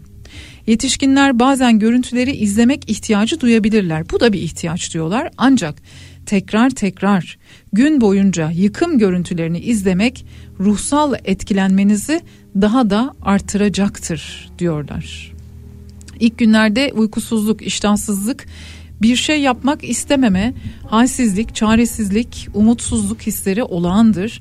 Bu nedenle sakinleştirici, yatıştırıcı destekler kullanmayın. Uykunuz günler içerisinde düzelecektir diyorlar. Bedeninizin bakımına özen gösterin tavsiyesinde bulunmuşlar. Ama nasıl? Beden bakımı dediğimiz şey hijyen. Temiz bir tuvalete gidebilmek, bir banyo yapabilmek sıcak suyla. Değil mi? Dişini fırçalayabilmek. Kadınların en temel ihtiyacı. Ki bu dönemde kadınların regl dönemlerinde kanamaları daha çok oluyor. Bu ihtiyaçları karşılayabilmek, bebeklerin bez ihtiyacını, mama ihtiyacını karşılayabilmek. Ve son olarak demişler ki afet ve travmalardan sonra insanlar bir suçlu arama eğiliminde olabilirler. Yok aramıyoruz zaten belli. Söylentiler ve tek bir kişi ya da grup sebebiyle bu kişileri günah keçisi haline getirecek haberler ve dedikodulara karşı dikkatli olun. Yani orada gönüllülükle çalışan, yardım etmeye çalışan her kurumun içerisinde işini ahlaklı, doğru ve dürüst bir şekilde yapmaya çalışan insanları da rencide etmemek gerekiyor diyorlar ki bu çok doğru. Bu tür basit dedikodulardan doğaüstü açıklamalara kadar işte az önce dinleyicimizin değindiği yok işte e, suni bir depremdi şuydu buydu bir şeylere sığınma veya bir şeyleri suçlama yani suni bir depremde o zaman e, deprem uzmanları, jeoloji uzmanları nasıl oluyor da bakın 500 yıl önce burada en son deprem gerçekleşmiş. Önümüzdeki 2 yıl içerisinde burada deprem olabilir diyebiliyorlar. Yani bu da mı suni? Yani bilimi de suni bir yere çekmek anlamına geliyor. Doğaüstü açıklamalara kadar geniş bir yelpazede olan söylenti, dedikodu vesaire bunlar toplumsal bölünmelere neden olabilir. Bunlara dikkat edin diyorlar. Bakalım sizlerden gelen mesajlarda neler var. 0532 172 52 32 bu arada WhatsApp hattımız yazabilirsiniz. Antalya'dan bir dinleyicimiz yazmış diyor ki o kadar çok canımız yanıyor ki oradaki insanların durumlarını sosyal medyadan ve televizyondan seyrettikçe ee, bunlar tabi yansıyanlar diyor yansımayanlar bilmediklerimiz var. Ben Antalya'dan yazıyorum. Burada hava sıcaklığı eksiye hiç düşmez. Neredeyse evimizin içerisinde klimayı çalıştırmadan kış aylarında otururuz. Burası bile soğuksa oraları hayal edemiyorum diyor. Yani yardım yapıyoruz elimizden geldiği kadar demiş ama bu yardımlar yetiyor mu, yetişiyor mu, ulaşıyor mu, erişiyor mu onu da bilemiyoruz diyor. Millet olarak başımız sağ olsun tekrar hepimize geçmiş olsun diyor. Artık ahlaklı ve vicdanlı insanlar yetiştirmeliyiz demiş Bülent yazmış İzmir'den. Yani artık değil hep öyle olmalı da.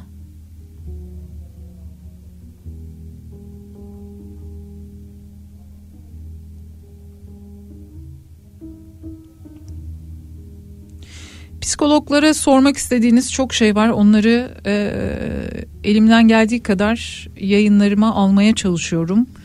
E, lütfen bu az önce de okuduğum belirtiler deprem bölgesinde e, şu an psikiyatristler, psikologlar çalışmalarını başlattılar. İlk günden itibaren başlattılar. Bunlarla ilgili de size duyurular yapmıştım. Deprem bölgesi dışında da e, ciddi bir travma söz konusu. Lütfen eğer e, ihtiyaç duyuyorsanız ya da yakınlarınız sizi bu konuda uyarıyorsa bir uzmandan görüş alın, bir uzmana başvurun. Bu e, her insanın kendi başına atlatabileceği, her insanın kendi başına içinden güçlü çıkabileceği bir durum değil.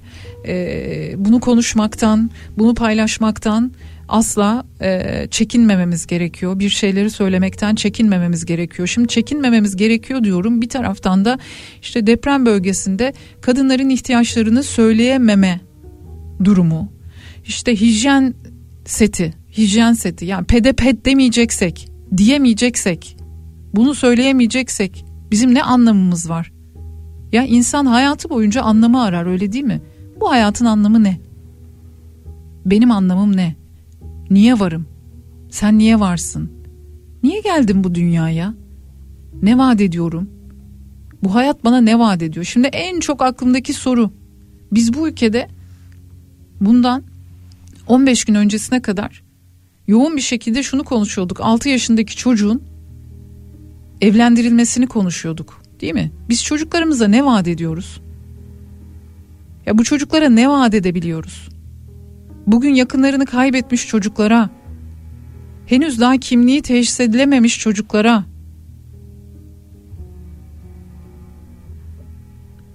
yani kuşaklar boyunca, nesiller boyunca aktarılacak bir problem bu. Benim çocuğum nerede? 7 milyon çocuk UNICEF tarafından açıklandı. 7 milyon çocuk depremlerden etkilendi diyor. Bu 7 milyon çocuğa biz ne vaat ediyoruz? Üstelik sadece o 7 milyon çocuk değil. Bugün evlerde günlerdir televizyonlar açık. Günlerdir TikTok'lar yok işte Instagram'lar şunlar bunlar açık. Bu videoları görüyor çocuklar. Çocuklar sadece çocuktur. Çocuklar bizden daha az zeki ya da bizden daha az algıları çalışan varlıklar değildir. Onlar sadece çocuktur. Her şeyi görürler, duyarlar, bilirler. Yaş gruplarına göre bunu soyutlarlar, bir şeye dönüştürürler. Yani hiç deprem bölgesinde olmayan bir çocuk, çocuğunuzu bir yıl sonra şiddet eğiliminde tuhaf bir resim yaparken görebilirsiniz. Bunlar bu meselenin, yaşadığımız bu afetin uzantılarıdır. Yani biz çocuklara ne vaat ediyoruz? Çocuklarımıza ne yaşatacağız? 6 yaşındaki çocuğa bunu yapan bir de bunu savunanlar var biliyorsunuz. Bunların olduğu bir yerde ne vaat ediyoruz? Bu çok önemli. Benim çocuğum yok. Ama uyuyamıyorum. Yani çocuklara ne veriyoruz? Ne vereceğiz? Sizin çocuklarınıza ne vereceğiz? Bir an önce bu insanların bu çocuklara bu kötülükleri yapanların yok olması lazım. Bir an önce çocuklara bu gözle bakanlardan bu ülkenin temizlenmesi lazım. Başka hiçbir şey değil. 1923'ten geldik 2023'e. Konuştuğumuz şeylere bakar mısınız? 1923'te pırıl pırıl sayfa açabilmiş bir ülke burası. Yokluktan, esaretten kurtulmuş, yoklukla mücadele etmiş, salgın hastalıklarla mücadele etmiş. Bir imzayla ülkenin dört bir yanını birilerine peşkeş çekmiş. insanlarla mücadele etmiş ve tertemiz bir sayfa açmış. Bir ülkeden geldiğimiz nokta bu. Bugün hala aynı konuları konuşuyoruz. Yani bu bir soru. Biz bu çocuklara ne vereceğiz? Eğitim haklarını veremiyoruz zaten. Bakın sağlık haklarını verebiliyor muyuz? Soralım bir soru işareti. Bu da bir soru işareti olsun.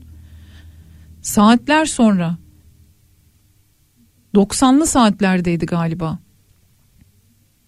Saatler sonra çıkan 9. günde miydi ya da bir depremzede enkaz altından çıkarılan depremzede diyor ki benim param yok beni özele göndermeyin. Benim param yok beni özele göndermeyin. Yani bunu diyebildikten sonra bir insana bunu dedirten duygu nedir? Çaresizliktir. Yokluktur. O yüzden diyorlar kimseye tutamayacağınız sözleri vermeyin. O yüzden diyorlar kimseye her şey geçecek, her şey çok güzel olacak filan demeyin. Ya kendinizi düşünün. Yani eminim zaten düşünüyorsunuz da. 9 gün o karanlığın içerisinde bir yerleriniz ezilmiş vaziyette. Çıkarılıyorsunuz. Her gün işte ailelerin anlattıkları var. Her gün başımızın üstünden gelip geçtiler sesimizi duymadılar diyor. En son şarkı söyledik diyor. Ailece şarkı söylemişler de öyle duyurmuşlar seslerini. İzmir Marşı'nı söyledik diyorlar öyle duyurabildik sesimizi diyorlar beşinci günde miydi altıncı günde miydi neydi günlerce siz o enkazın altında kaldıktan sonra çıkıp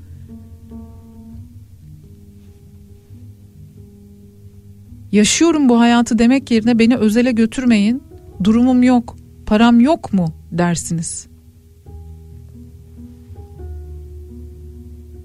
İşte ahlak çok önemli bir şey gerçekten. Yani depremi suçlayabiliriz.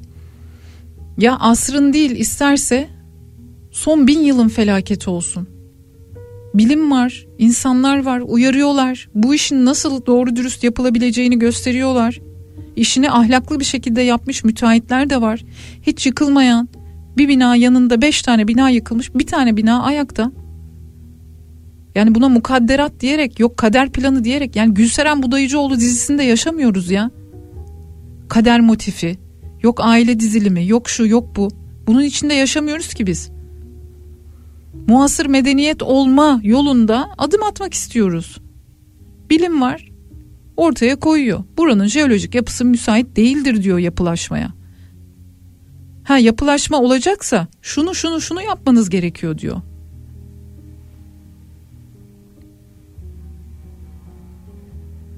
Yani yapılan binaları insanların konut sorununu çözmek adına imar barışı adı altında affedebiliriz ama kendimizi affedebilecek miyiz? O cümlelerin altına imza atanlar kendilerini affedebilecekler mi? Hayatta her şeyi affedebiliriz, kendimizi affedemeyiz. Yani en azından doğru dürüst insanlarda bu böyle çalışır. Bu mekanizma böyle çalışır. Böyle çalışmasını bekleriz.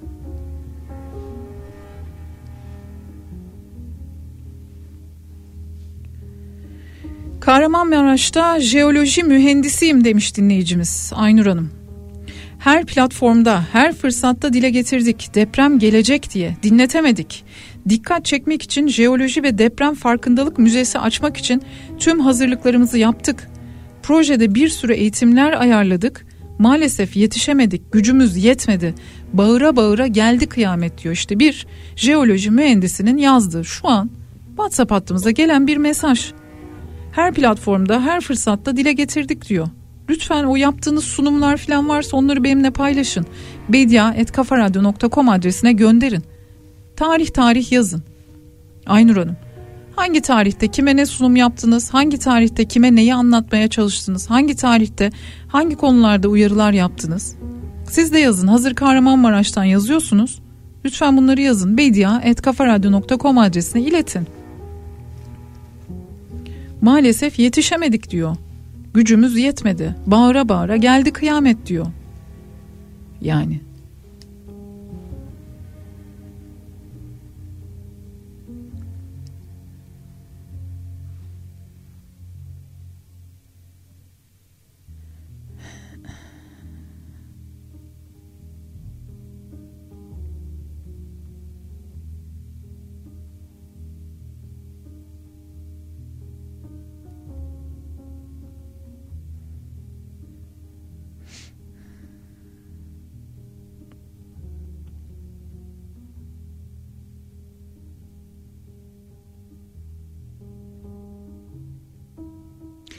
Sizden mesajlar geliyor. Şöyle şeyler yazıyorsunuz.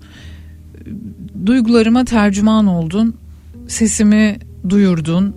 Ben de tam böyle düşünüyordum. Ya e, aklın yolu bir.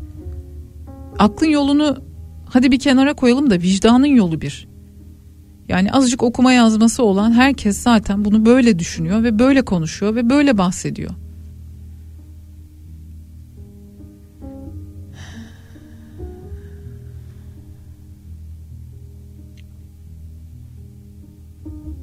Varsa paylaşmak istediğiniz şeyler yazabilirsiniz. 0532 172 52 32 ee, biz yine bir ara verelim. Sonrasında ben yine burada olacağım.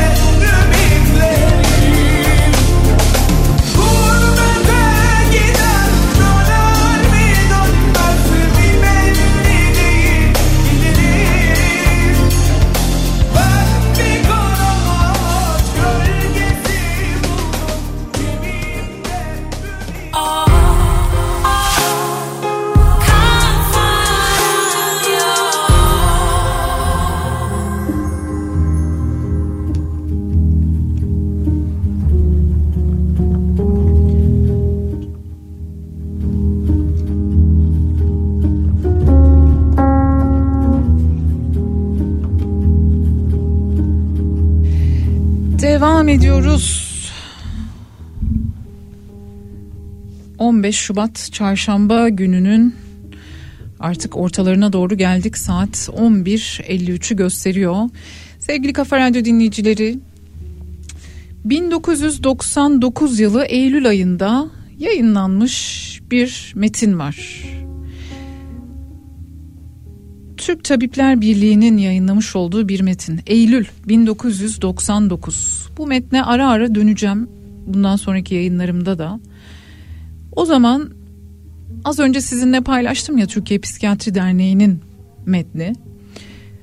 Benzer bir metin yayınlanmış.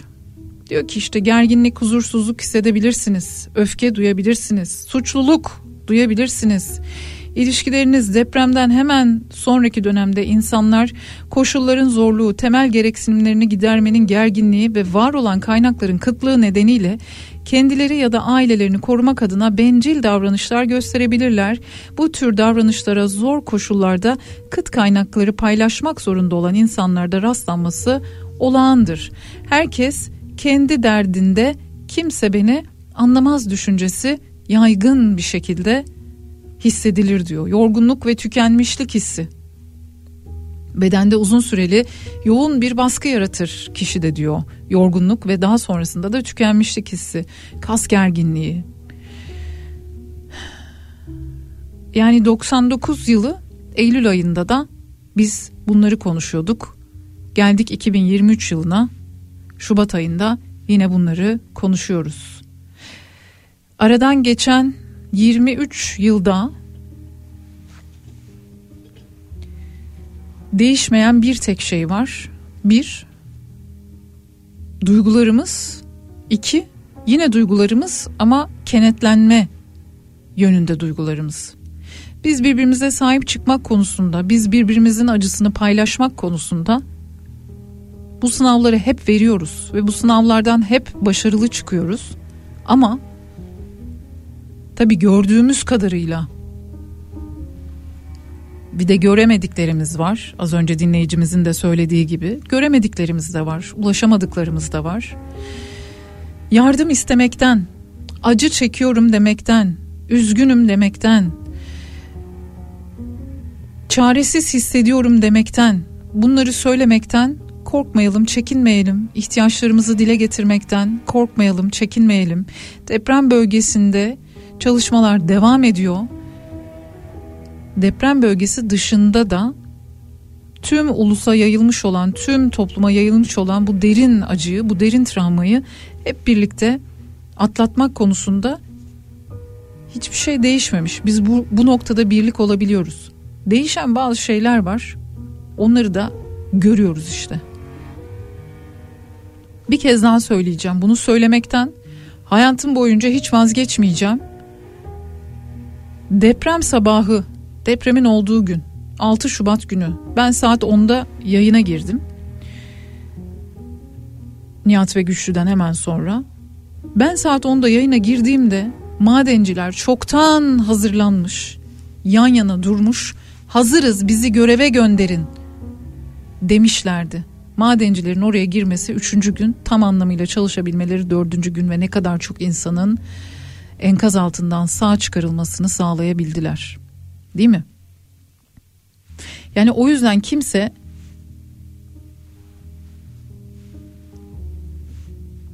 yani unutamıyorum bazı şeyleri affedemiyorum her şey kontrol altında her yere ulaştık denmesini bir ilde hiçbir şey yok denip de o ilin en az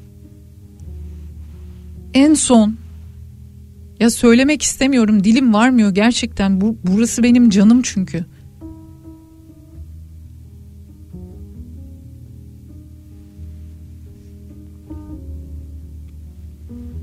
Ya ilk akşam okunan selalarımı söyleyeyim. Kırılan duble yollarımı söyleyeyim. Havalimanını mı hatırlatayım? Her şey kontrolümüz altında. Ulaşmadığımız hiçbir yer kalmadı dendikten sonra eş zamanlı olarak insanların yardım çağrısını mı söyleyeyim? Bunu mu hatırlatayım? Twitter'da bant daraltılmasını mı söyleyeyim insanların tek sesini duyurabildikleri yer olan şuradayım enkaz altındayım gelin beni kurtarın diye seslerini duyurabildikleri yer olan Twitter'da bant daraltılması yapıldığını mı söyleyeyim? Öfkeli öfkeli bakışlarla kızgın kızgın hal, tavır, davranışlarla insanların azarlanır gibi hepimizin yani azarlanır gibi ekran karşısında ne oluyor ya ben şimdi ne izledim duygusunda bırakıldığını mı söyleyeyim derinden sarsılan güven duygumuzu mu söyleyeyim bu kurumların başına getirilen insanların liyakat problemini mi söyleyeyim hatırlatayım. Yani hangi bir yerden biz işte bu çoklu ve çok yerden ele alınması gereken bir olay. Biz bunu atlatmak konusunda, bu yaraları sarmak konusunda bu kadar iyi niyetli bir şekilde birleştirici bir dil kullanmaya çalışırken yok ahlaksız, yok o, yok bu ya bu kelimeleri siz nasıl vicdanınız el veriyor?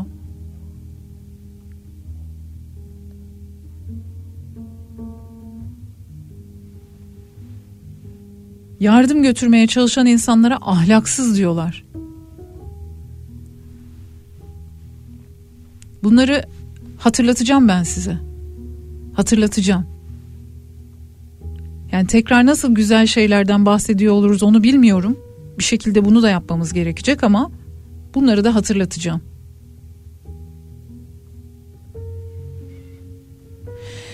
Sevgili Kafa Radyo dinleyicileri, ben Bediye Ceylan Güzelce. Ee, yarın sabah saat 10'da yeniden burada beraber olacağız. Belki aynı şeyleri tekrar tekrar söylüyorum gibi geliyor ama bir şeyleri bir kere söyleyip geçtiğimiz için belki bugün bu haldeyiz. O yüzden tekrar tekrar söylemekten vazgeçmeyeceğim. Birazdan Salih burada olacak. Salih Gümüşoğlu sizlerle birlikte gündeme dair son gelişmeleri aktaracak. Yine deprem e, bölgesinden haberleri de paylaşıyor olacak. Hoşçakalın.